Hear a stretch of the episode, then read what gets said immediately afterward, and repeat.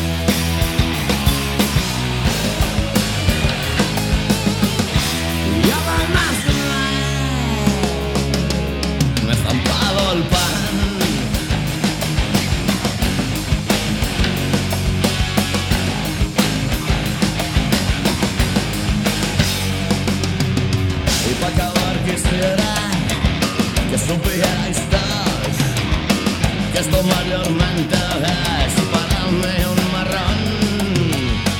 Me voy que más paran si lo quiere Dios un platón caliente.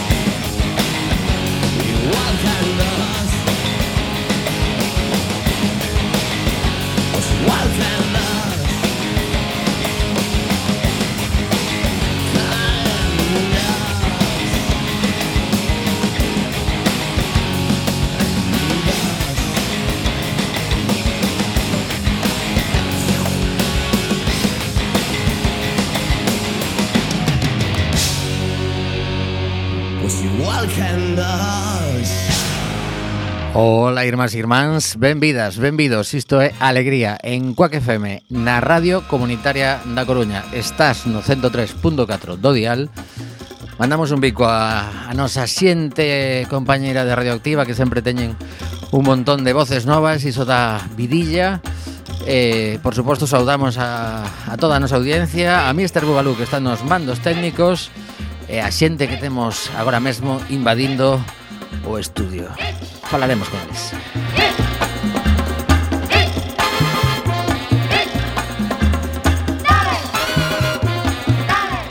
Que saibades que veño hoxe como esqueo en grado 9,5 despois de escoitar onte barbaridades con respecto a, a decisión do Tribunal eh, Supremo eh, con respecto a esa lei que leva, non sei se outro, o Supremo ou Constitucional, xa me perdo con eses dous. Mariano, ti lembras que foi o, o que tiña 13 anos no caixón a resolución sobre a lei do aborto? O Constitucional. O Constitucional. Manda carallo. O sea, moito se fala da resolución e pouco se fala dos 13 anos que o tiveron aí metido no caixón dixo, eh, e isto daqui da lei do aborto que afecta as mulleres. É o que pasa cando bloqueas unha institución.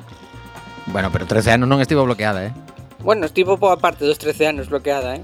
Ai, que paciencia que... hai que ter. Bueno, logo, logo traio aquí unha nova que non sei se sacala xa. Non, mellor deixo para despois para non facerme mala sangue nada máis comezar o programa. Non compensa. Pero bueno, tenemos tempo. Tamén hai que falar, eh, falaremos por teléfono cun portavoz de SOS Sanidade Pública da manifestación que houve o domingo en Compostela. Sei que Mariano ten eh, opinión en primeira persoa porque sí. ali estivo. Unha chea de xente bárbara, eh. Pois sí, falaremos diso na, na conversa telefónica de despois eh, da primeira canción do programa. Comentar tamén que está a cousa quente por enésima vez. Son hai, hai temas nas cidades que se empantanan. Non sei como como nos arranxamos que se empantana. Agora mesmo o, o último é eh, o do mercado de Santa Lucía. Non sei se si Si biches que... Xulio Ferreira de Misión. Efectivamente, esa, esa é a clave. bueno, total, que que non hai eh, aínda falaba este este domingo eh, sobre o inframundo que está xusto chegando aos campos de fútbol da Torre de Hércules, a, a, aquela zona que sempre sempre digo eu que parece que houve un un non sei, A ver, iso está iso estive judicializado e hai sentenza firme. Que di? Que os propietarios tiñan a razón, ou sea, e vai seguir así. A non ser que eh, pase a estar peor. Pero, Isto é no, edificada con, edificado con edificios no, que no, tapen no, a top. Esa, esa non é a pregunta. A pregunta é que lles permiten ter toda esa chatarra, lixo, etcétera, etcétera, a vista de todo o mundo. Ver, eso unha sentencia judicial dixo, non, pódese. hai unha sentencia eh, todos eses terreos estaban judicializados porque eh, querían edificar os propietarios. Sí, pero eso é outra cousa, eso é outra cousa. Eu refírome non me a meto, non estou falando dos temas de de, de medio, licencias medio, de, medio de medio ambiente ou de temas industriais. Claro. Vale. O tema de licencia de construcción quedou aparcado que aí non se podía construir. Non, agora sí que se pode. Claro, que, que perdeu o Concello, ese é o tema. Como, como, como, como? Sí, sí, sí, sí, sí, sí. Estás seguro diso? Eu creo que non, mm. non son eses terreos en concreto, eh? Ah, bueno, A min, para falarme de terreos, vas me ter que traer o catastro. Bueno, porque pues, senón... Si, si, fala, si alguén sabe Exactamente, si isto que estamos comentando. Igual iso non está ben tampouco, igual habían que enterarse de No, no, no, pero aproveitamos. Se alguén chama, vai ti saber quen chama. A ver, porque fuches tío que dixeches que, que estaba... Eu sei que aí hubo unha sentencia, mm, sobre o tema de edificación de nesa zona. Eh, pero que eh, a Agra San Amaro é moi grande. Precisamente, na, bueno, claro. Pero que é moi grande. Estou falando xusto do, cando chegas pola Avenida de Navarra aos campos de fútbol da Torre. E xusto aos 200 metros antes que hai ese inframundo que me refiro eu, sí. esos estou convencido de que aí non hai eh, permiso de construción. Eu estou convencido. Ai, eh. eu non eu, eu nesas cousas prefiro non ir por convencementos. Bueno, bueno. bueno. Tráeme papeles. Vale, pois pues, jode, que chollo. Non temos tempo para iso, Mariano, que non, non cobramos. Isto é unha radio, aquí no, faz no, información. No. Bueno, no, isto é un programa de, de divertimento. Ben, total, que alegría comeza xa con un recordatorio a un dos grandes da música que nos deixou cancións maravillosas que falecía fai uns días nada máis. Barbácara mmm, fixo virguerías, en concreto Areza Franklin, despois de escoitar a versión ori original de Diane Warwick, Warwick dixo Pois ao mellor eu fago unha canción chula unha A ver, que sí, que cantas moi ben, non? É eh, un pouco, cantas moi ben E a tua sobrinha vai cantar moi ben tamén Pero... Pero déixame a min que vou facer Pero quita. A, a versión a versión maravillosa. Esta é eh, I Say a Little Prayer A versión de Ariza Franklin Para mm, mandarlle unha aperta grande, grande a Barbacara Alegría Alegría.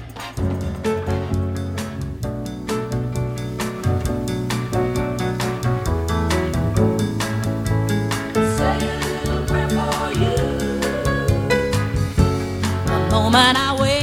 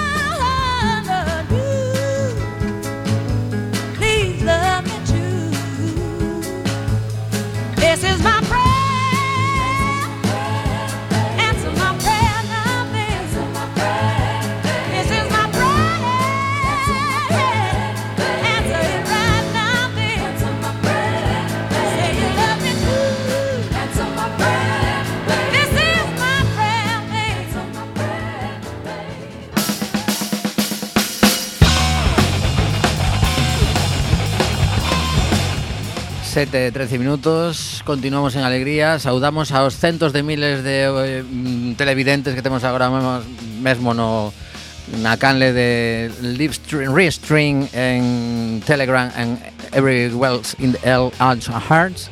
Bueno, total, que nos podedes ver si queredes Buscades en Telegram eh, Quack TV eh, resulta que aparecemos. Cousas da tecnoloxía que a mí me superan Pero agora imos co importante que é saudar a Manolo Martín, que é portavoz de SOS Sanidade Pública, eh, que o domingo pasado pois celebraron unha importantísima manifestación en Compostela. Manolo, boa tarde.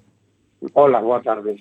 Bueno, pois eh, en primeiro lugar, eh, de algún xeito agradecer o esforzo que facedes para, para algo tan fundamental eh, para a vida diaria de moitísimas persoas que traballar a prol dunha sanidade pública de calidade. Um, non sei se eh, a raíz da, da manifestación notáchedes que eh, dende a xunta hai máis movimento aínda do que estaban tentando facer as últimas semanas ou é todo paripé? Cal é a túa impresión? Bueno, a miña impresión é que, bueno, a manifestación foi unha mostra moi elocuente do, en fin, da, da rebelión da poboación galega que non quere perder unha cousa moi, moi importante que é o acceso a, a atención primaria a asistencia sanitaria pública como tiñamos hasta agora. Bueno, eh, a, mani- eh, a manifestación pues parece que provocou eh, un, un, unha situación de preocupación na Xunta de Galicia e na Consellería de Sanidade, ¿no? Eu creo que non esperaban unha manifestación tan tan masiva, porque podemos decir que, que a manifestación eh, eh, casi casi, o non sabemos, pero parecía bastante aproximada a de a, bueno, a, a nunca máis, ¿no? Es decir, que, que o nunca máis foi unha unha, unha manifestación que, que, bueno, foi un punto de inflexión na política, na realidade política de Galicia, e, bueno, esta manifestación pois, pode ser o mesmo, ¿no? Si non, si a administración no, no cambia de política sanitaria, se non abandona a intención de, de desmantelar progresivamente a atención primaria, y desmontar a atención primaria é preparar o desmontaxe do, do resto do sistema sanitario, da que forma a base e o eixo do sistema, ¿no? Entón, para poder privatizar a sanidade, primeiro ten que empezar pola atención primaria. Agora, bueno, fai un... Esta mañán eh, eh, falaban a nivel estatal de que o, o Partido Popular, que tamén goberna na comunidade autónoma andaluza, pois eh, va a privatizar unha parte da atención primaria, ¿no? Va a permitir eh, pagar que a xente que acude ao servicio de atención primaria poda facelo no sistema privado, ¿no? cosa que hasta agora non ocurría. Probablemente a intencionalidade de, da Xunta de Galicia é trasladar esta idea que, en fin, de, que Partido Popular a, a, a realidade eh, sanitaria galega. Están nerviosos, eh, pues, de maneira pois un pouco precipitada, de unha maneira no planificada, pois, eh, a, en fin, puxeron en riba da mesa antes da manifestación unha serie de medidas que casi podemos calificar de ocurrencias, ¿no? Es decir, incrementar o, o, os pagos a, aos traballadores e traballadoras, especialmente persoal médico, para que amplíen o horario, horario que traballen non solamente pola mañán nos centros de saúde, sino que tamén pola tarde e noite eh, en los puntos de atención continuada. Pues esto pues es una barbaridad, es verdad que los médicos pueden percibir un poco más de, de, dinero, pero de dinero, pero, pero bueno, el problema es que unos profesionales engotados por una jornada de trabajo largas y prolongadas, pues aumenta el riesgo de, de, en fin, de erros y de problemas de salud para la población, ¿no? En fin, creemos que, que non ten ninguna vontade de, de cambiar as cousas, creemos que, que pretenden pois manter o seu estrategia, pero bueno, isto ten unos costes electorais e unos costes políticos pois moi elevados, ¿no? Eu creo que, que en fin, que, que bueno, agora queda por diante a, iniciativa legislativa popular que se va a debatir no Parlamento de Galicia, porque respaldamos con, con 50.000 firmas, a maior, máis de 50.000 firmas, a maior apoio conseguido por unha iniciativa legislativa na historia da, do Parlamento de Galicia. ¿no? En fin, esperemos que, lo, o sería que o, o Partido Popular, o Grupo Parlamentario, votar a favor desta iniciativa, ¿no? pero moito nos tememos que non vai ser o caso. ¿no?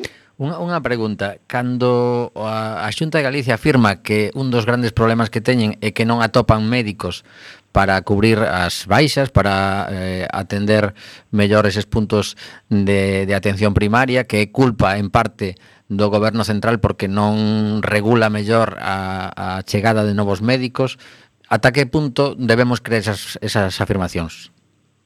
Bueno, pues desgraciadamente, como sempre, o goberno galego pois, pois falta a verdade, por falar de unha maneira así, ¿no? bueno, no, no agresiva, ¿no?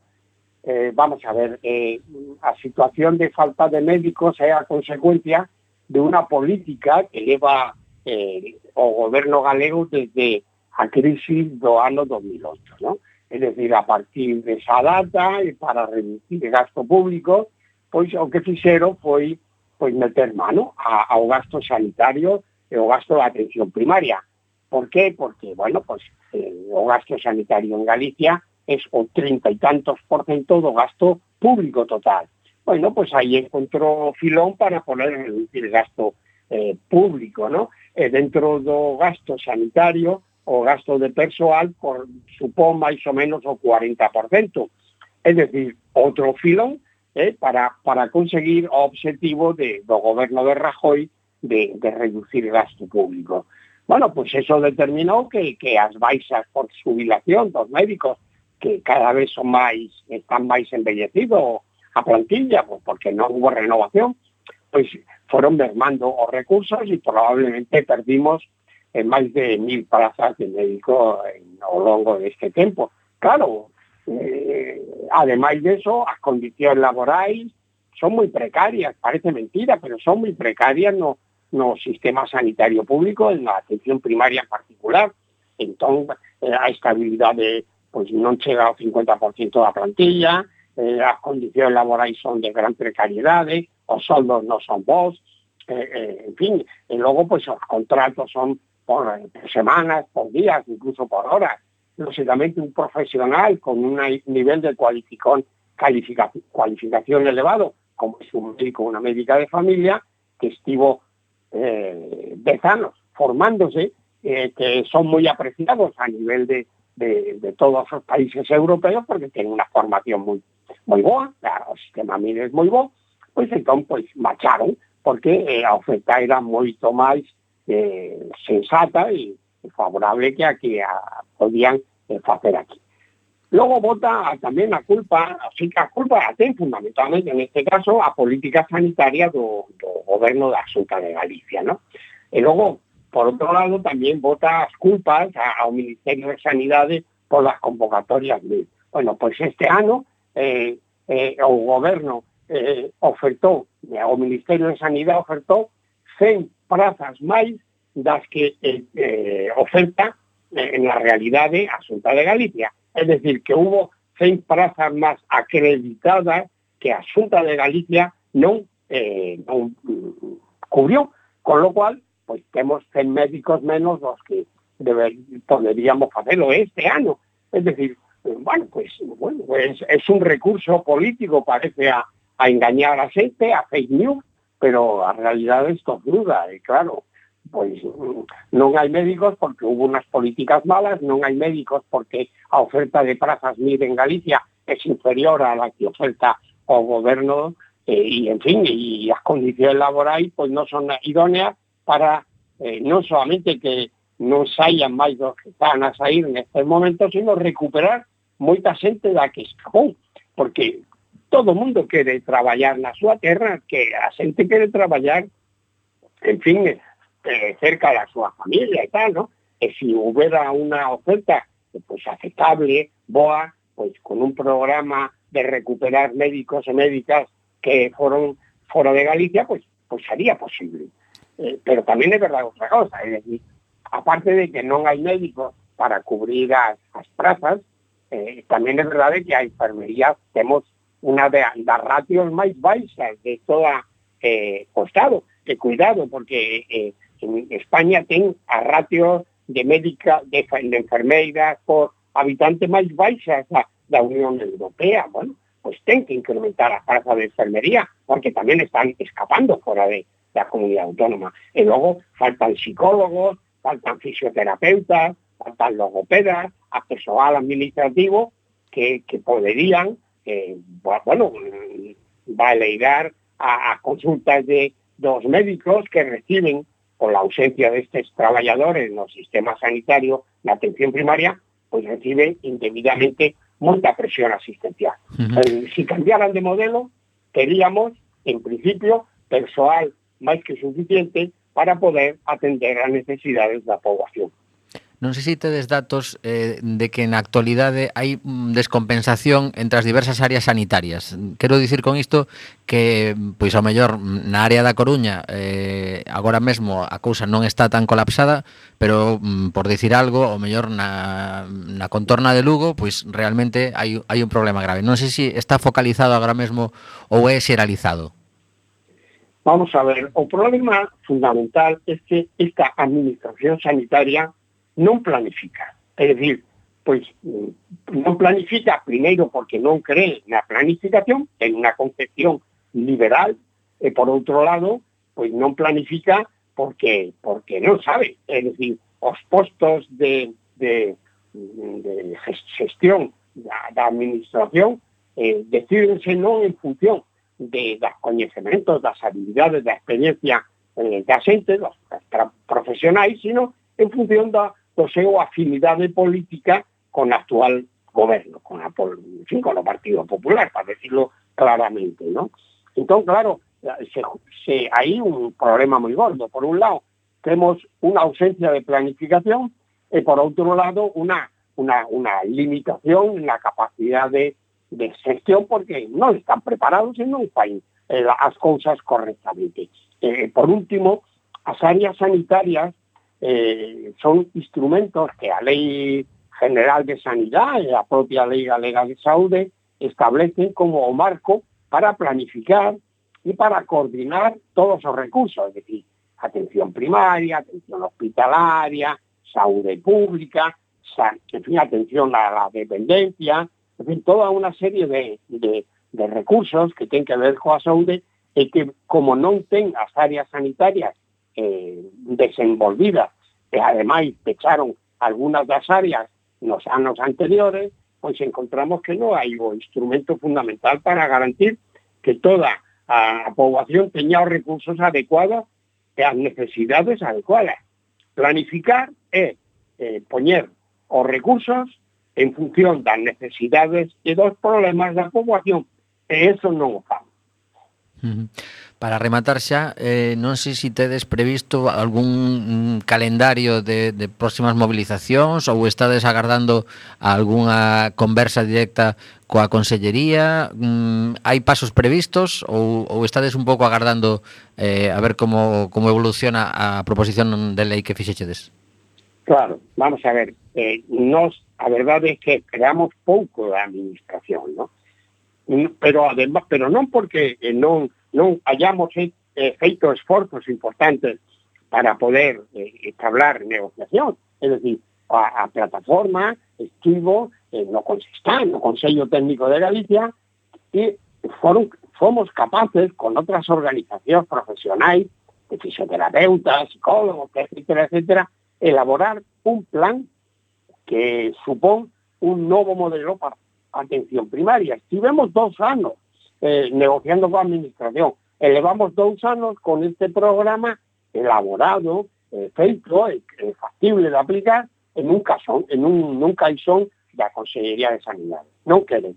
E non porque nós non fixéramos esforzo de negociación, sino porque non ten ninguna vontade de poder facelo. Que vamos a hacer a facer agora? Bueno, pues temos a iniciativa legislativa que, como antes decía, que foi apoiado por máis de 50.000 firmas en toda Galicia e vaise a debatir no Parlamento. Moito nos tememos que está a proposta da iniciativa que supondría unha mellora da atención primaria importante, pois o Partido Popular o va a rexeitar o grupo parlamentario. Bueno, pois vamos de aquí a que se debata a iniciativa, vamos a, a seguir coa movilización, porque a poboación non se moviliza por motivos ideológicos o por motivos partidarios o porque eh, quedan eh, fastidiar o se, movilizan porque a xente non ten posibilidades de acudir a centros de saúde, non lles atende, ten que esperar máis de unha semana para que o médico a médica eh, les, les chame por teléfono a ver que lle pasa. Non ten os puntos de atención continuada pesado. Eh, eh, eh, listas de, de agarda importantísimas non collen o teléfono no centro de saúde porque non hai recurso. Bueno, pois a xente va a seguir enfadada, va a seguir frustrada e nós vamos a intentar seguir movilizando a poboación. Porque o a, eh, Só Pública non é unha organización, é unha alianza na que están os traballadores do sistema sanitario, a atención primaria e outros niveis, e tamén está a poboación a través de sindicatos, organizaciones sociais, veciñais, de enfermos, es decir, somos unha gran alianza podemos decir que, que somos unha representación da realidade social galega. ¿no? Manolo Martín, moitísimas grazas por atender a chamada de Coac FM eh, ate, Estaremos atentos a, aos, aos vosos pasos e o gallá consigades eh, eses obxectivos que nos acabas de comentar porque realmente, pois sí, calquera persoa que, que ten eh, pois, eh, a súa propia saúde ou algunha persoa próxima que precisa dese servizo sanitario pois eh, vai agradecer todo o esforzo que, que estades levando a cabo. Moitísimas grazas. Moitísimas gracias a vosotros. Chao. Pois o, todo o que nos acaba de contar eh, o gallá, o gallá pois nos atopemos con un problema de saúde atopemos alguén a outro lado do teléfono que nos atenda rápido para, para unha cita ou polo menos para unha solución inicial. E logo por suposto que as probas non se demoren como ás veces lemos que son tempos de agarda imposibles de cando tes dor ou tes un problema que te perxudica no día a día pois son, son tempos eh, que, mm, que se fai moi difícil de, de sobrelevar. Pero falando de sobrelevar a vida, imos escoitar música que sempre é un bálsamo e unha artista que xa puxemos máis veces no programa estará este sábado nunha das salas eh, da cidade, Disfrutona del Orzán. La Disfrutona del Orzán é un local que non leva moito tempo, pero está facendo unha programación bastante continuada mm, na, na parte de atrás do Colexo dos Salesianos, aí chegas ata o final da rúa e atopas a la disfrutona del Orzán en un sótano. Podes disfrutar este sábado dunha muller que acaba de encher ata os topes a discoteca Joy Eslava de Madrid. Para a xente que coñeza ese espazo, son 1200 persoas Eh, as imaxes son absolutamente espectaculares e vai a estar en Coruña para uns mm, 70, 80 espectadores nese espazo. O sábado pola noite, tamén é certo que é un día complicado porque estamos a falar do sábado de entroido, pero bueno, a recomendación queda feita, a sensibilidade desta muller. Igual non, non é que teña un público moi choqueiro, eh?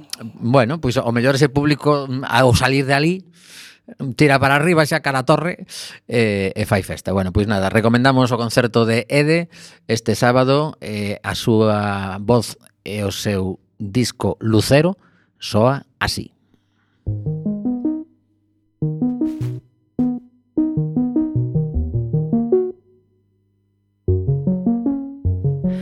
Dime lucero del cielo, se puede llevar Dime lo que primero se lleva, se lleva dentro.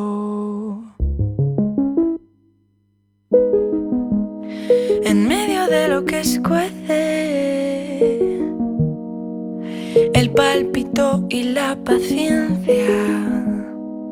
Toco todo lo que me nace, del secreto a la estridencia. Lo digo en alto porque se clava, bajito por si lo escuchan, contando con la mirada lo que nadie supo nunca y me da tanto miedo no entender. Así que dime,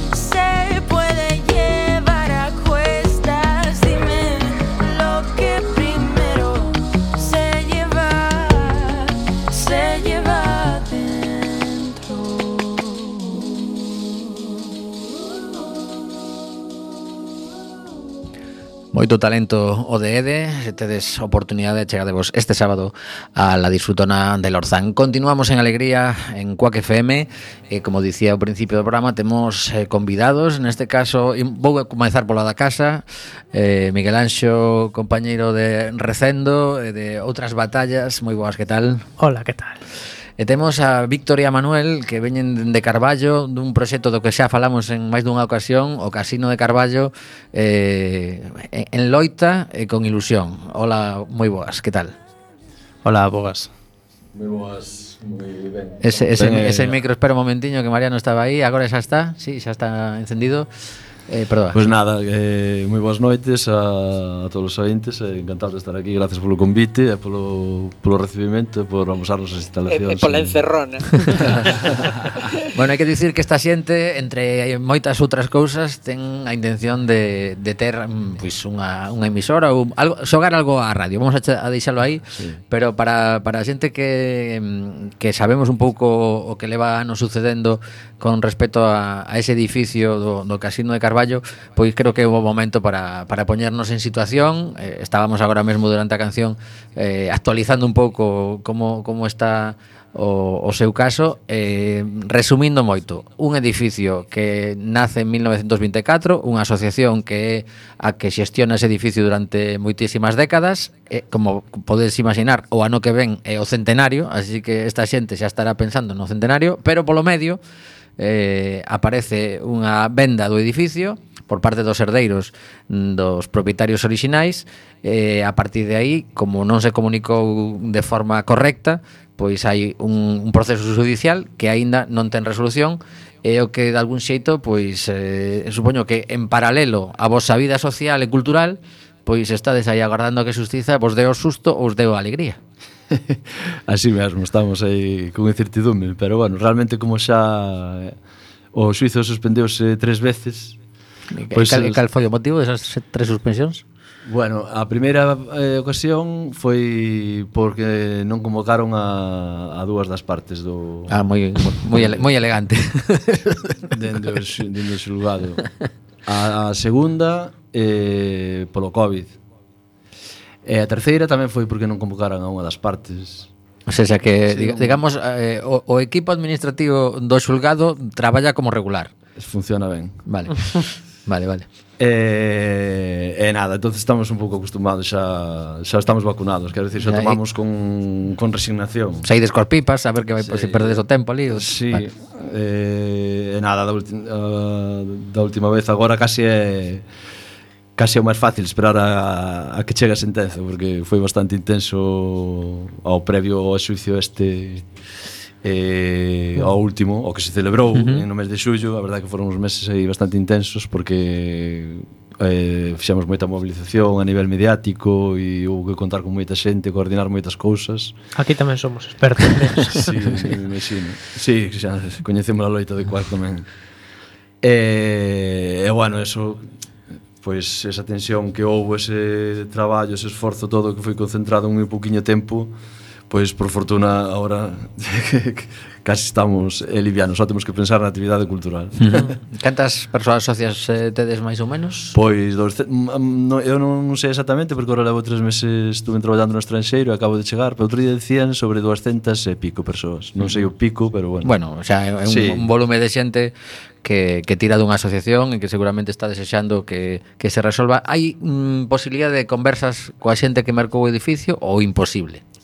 Eh, todas as comunicacións que houbo foron foron mediante burofax e por vía postal legal, digamos, e foi uh nada moi amigable entón. Foi unidireccional, quer decir, eles comunicaronse con nós, pero nunca responderon ás nosas Ajá. solicitudes, ás nosas requerimentos, nin ás nosas respostas, vamos, realmente, eles só se comunicaban con nós cando nos intentamos respostar ou non, non, non respostaron nada tampouco. Entón, uh -huh. non dá moito pé a... E sabedes o proxecto que teñen para o edificio eles? Bueno, en teoría é un proxecto urbanístico de derrubar o edificio. Ah, a derrubalo, demais? Claro. Ten algún tipo de protección a nivel... No, non, no, vale. Agora mesmo non. Ni é siquiera tamén outra cousa curiosa que non se protexeu o Plan Xeral de Carballo, creo que data do 2013 e o equipo de goberno non viu pertinente protexer o edificio cando é, non é que sea un edificio ao mellor a nivel arquitectónico eh, non é Notre Dame nin a Catedral de Santiago pero é prácticamente o único que queda no povo Ajá. e ademais a nivel social si, si é bastante trascendente non? E a nivel de actividade, mm, vos continuades como se si isto estivese pasando en paralelo, como se si fose outra vida. Eh, que facedes? Que facedes no, no casino? Pois todo tipo de actividade cultural, dende eh, concertos, presentacións de libros, eh, temos aulas regulares tamén de, de pandereta, de, de baile africano, de, de guitarra, En algún momento houve un club de lectura, pero está parado un pouco bueno, as cousas ás veces van, van e veñen según eh, segundo a disponibilidade do voluntario voluntario de turno, sí, como pasa en todos os lados. Efectivamente. eh, non sei se si, si pensades que que o proxecto eh, sería viable sen o edificio. Se quedades o edificio, que pasaría? Eh, eu personalmente penso que si sí é viable, vamos. Pero o, a loita importante é difícil tamén. A verdade que, que se nos quedáramos sin o edificio, porque o edificio dá unhas posibilidades impresionantes. Ademais, está moi ben situado e é un edificio, bueno, calquera que vai ali queda como boca aberta, sabes? É moi moi práctico, ten moito espazo e dá moito marxe para alugar un edificio como ese creo que sería polo precio urbanístico actual creo que sería un pouco complicado para unha asociación como a nosa. Uh -huh. Eh, sí, sí. No, iba a preguntar se si facedes vos uso de todo o edificio ou como é. Sí, sí, o edificio está alugado dende hai 100 anos á asociación. Eh, o único uso que houve nestes casi 100 anos foi a asociación, o único inquilino que houve ali foi asociación. Solo, só nós, bueno, e cedémolo para eso, para, para personas que dan cursos, e, bueno, mm. estamos abertos a todo tipo de colaboracións, vamos. Eh, e, a, e a comentar que cando, cando alguén visita Carballo, é unha, unha vila que medrou moitísimo, que, que segue tendo bastante xente moza e varios institutos, eh, a xente, como dicías antes, que era un edificio que non invitaba a, a entrar, Estades conseguindo que a xente moza vaya ao casino? Sí, eu penso que sí que se está conseguindo, pero bueno, falta bastante nese, nese ámbito. Agora tivemos un relevo aí eh, na presidencia que entrou unha rapaza Laura Méndez, unha rapaza nova de 29 anos, creo, E, e bueno, aí, a partir de aí tamén, a parte de que é a primeira muller presidenta do casino, despois de un pasado no que as mulleres non podían ser socias do casino. Ah, nin siquiera. Eh, no. Sería o típico, o mellor, mm, agregadas familiares ou algo así. Efectivamente, podían entrar como, como esposas del socio. Uh eh, -huh. E, eh, e agora pois é a primeira presidenta da historia do casino e tamén pois que nos abra unha vía, que abra unha vía para a xente nova coñeza que si nos estaba faltando eso e bueno, sigue faltando iso, non? Non sei que é o que facemos mal, que non acabamos de conectar cas persoas con moita xente, non? Para que colabore na, na organización directa. Vouche dar un, un impulso de tranquilidade pasa en todos os lados. Esto esto o comenta calquera persoa que traballa eh, en, en centros de información a mocidade, etcétera, etcétera, realmente é algo que, que notan dende fai X anos que costa máis que mm, pues hai moitísima oferta de estar na casa co tanto coa coa Play como coas plataformas e realmente pois sí que hai unha serie de, de mozas e mozos que, que saen a facer cousas xuntos e moito vai para o deporte pero para o resto custa bastante dinamizalos e, e bueno, mm, a nivel de pues, mm, en Quack FM, por exemplo, tamén notamos que cando antes chegaban grupos de persoas mozas a facer programa, agora todo chega de un en un. E iso nos dificulta moitísimo que surdan novos proxectos, porque porque realmente como non se coñecen entre sí, mm, ao mellor non teñen inquedanzas similares, é moi difícil poñelos de acordo eh, en que se sumen a un programa, en que sean seccións un pouco Frankenstein, chamémoslle así, pero realmente pois quero dicir que, que non vos agobies demasiado porque é algo é algo que está aí. Unha de dúas, ou non vos non vos agobiades demasiado ou agobiadevos moito.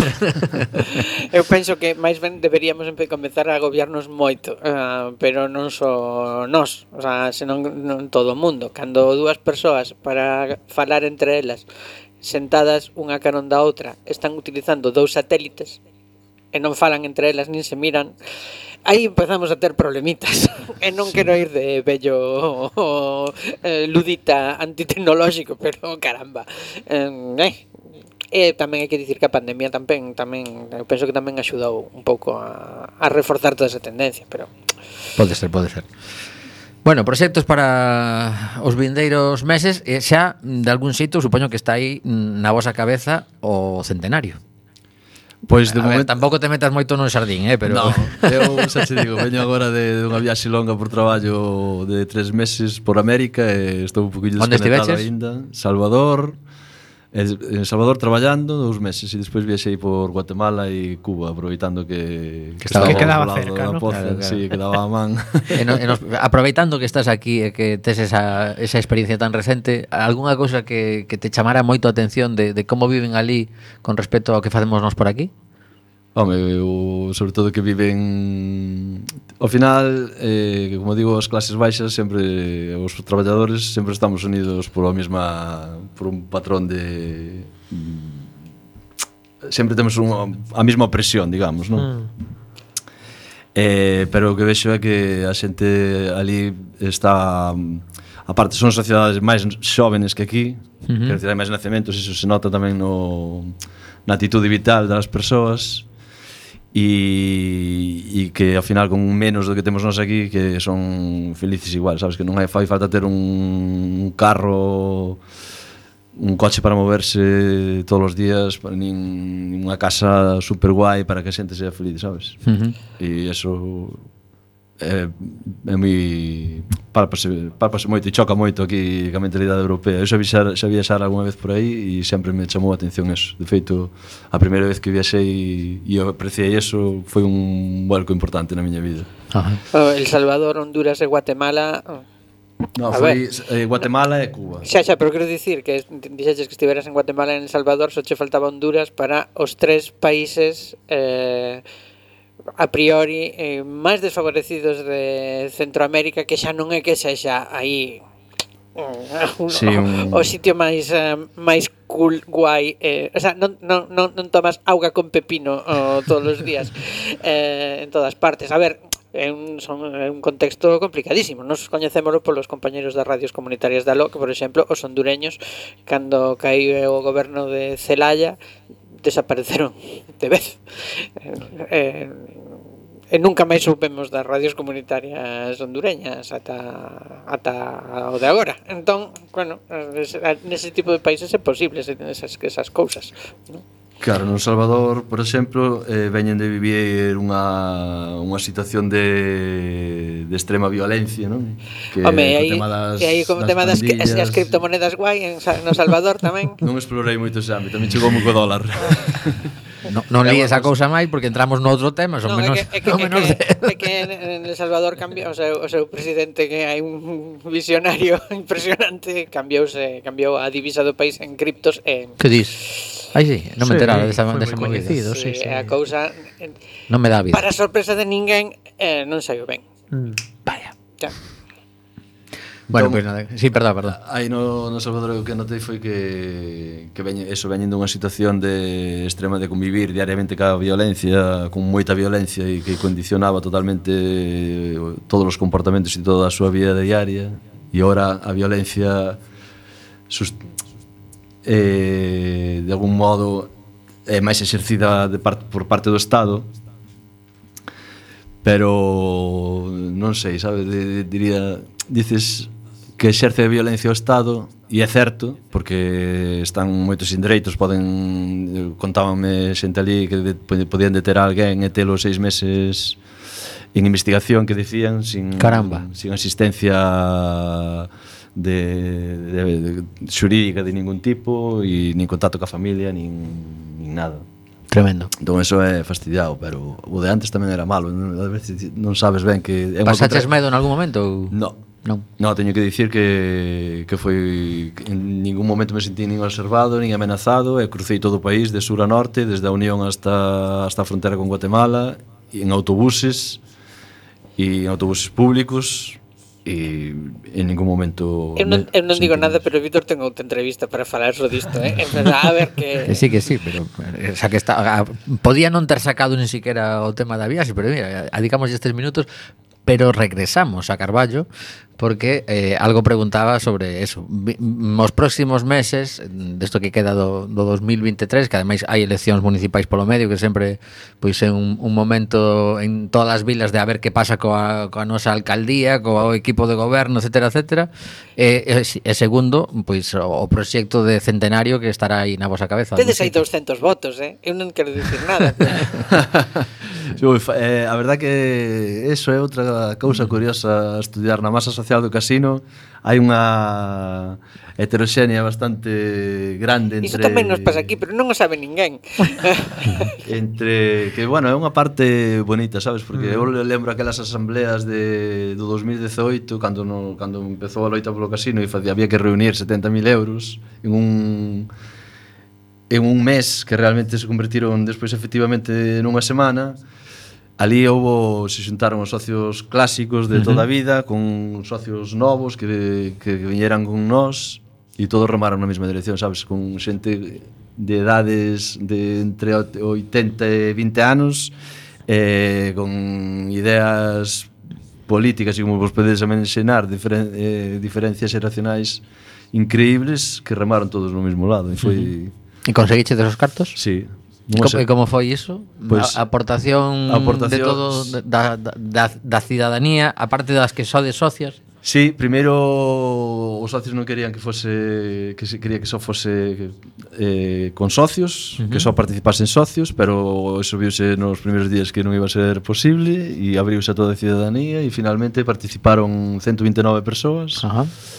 e xuntamos máis de máis de 70.000 euros e bueno, cada un poñendo a cantidade que, que pudo, vamos. Será todo donativos, non, non eran sí. para devolver esas No, non? sí, son para devolver, ah, sí, sí, son sea, a través de préstamos nominais, préstamos, bueno. sí, persoais. Ajá. Bueno, préstamos, non sei agora como é a, a denominación, non lembro agora como é a denominación, pero sí, eh, está firmado papeles oficiais, todo. Vale, bien. vale, vale.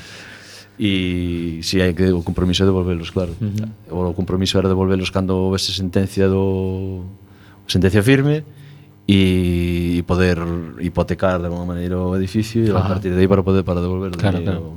Porque eses cartos persoas. para que se precisaban? Para porque eses cartos son os que eh, a propiedade enviounos un burofax dicindo que era que notificando un cambio de número de conta para facer o aluguer.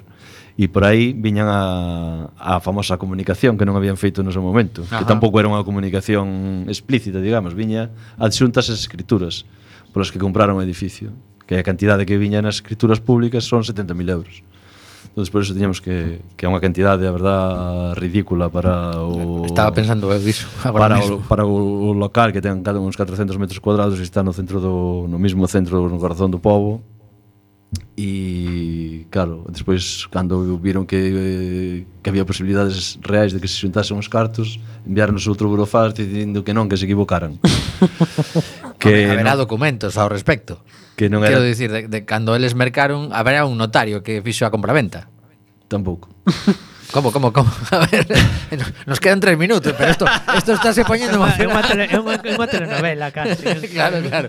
A ver, eh, eh eu non entendo moito, pero un notario ten que aparecer na operación, joder. A ver, dixo, no, dixo, ver, fala María. Dicían que, que o, no, o, a escritura pública son 70.000 euros. Despois dicía que, que se equivocaran, que non eran 300, que non eran 70.000, que eran 360.000, pero que dado o tempo transcurrido, isto pon textual no Burofax. Ajá. Uh -huh que dado o tempo transcurrido non tiñan documentación para demostrarlo. Ah, que simpáticos. Vale, vale. O sea, o que se chama Bueno, non, non o vou dicir antes.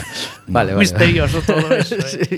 É que o que non se pode demostrar non existe. Claro, claro, claro. No, home, agora agora que puxeron 300 e pico mil no, no ese burofaxia, algo terán que justificar. Por que 300 e pico mil? Poderían ter posto... Non, non tedes algún inspector de facenda entre os socios? Porque había que tirar dese claro, fío tamén. Caducou, creo, ah, creo que prescribe vale, os cinco anos, vale, entón vale. eso non ten... Bueno, menuda ahora, festa. Ahora queda lle, sí, a festa importante, ahora queda a señora Suiza y decidir. Vale, vale.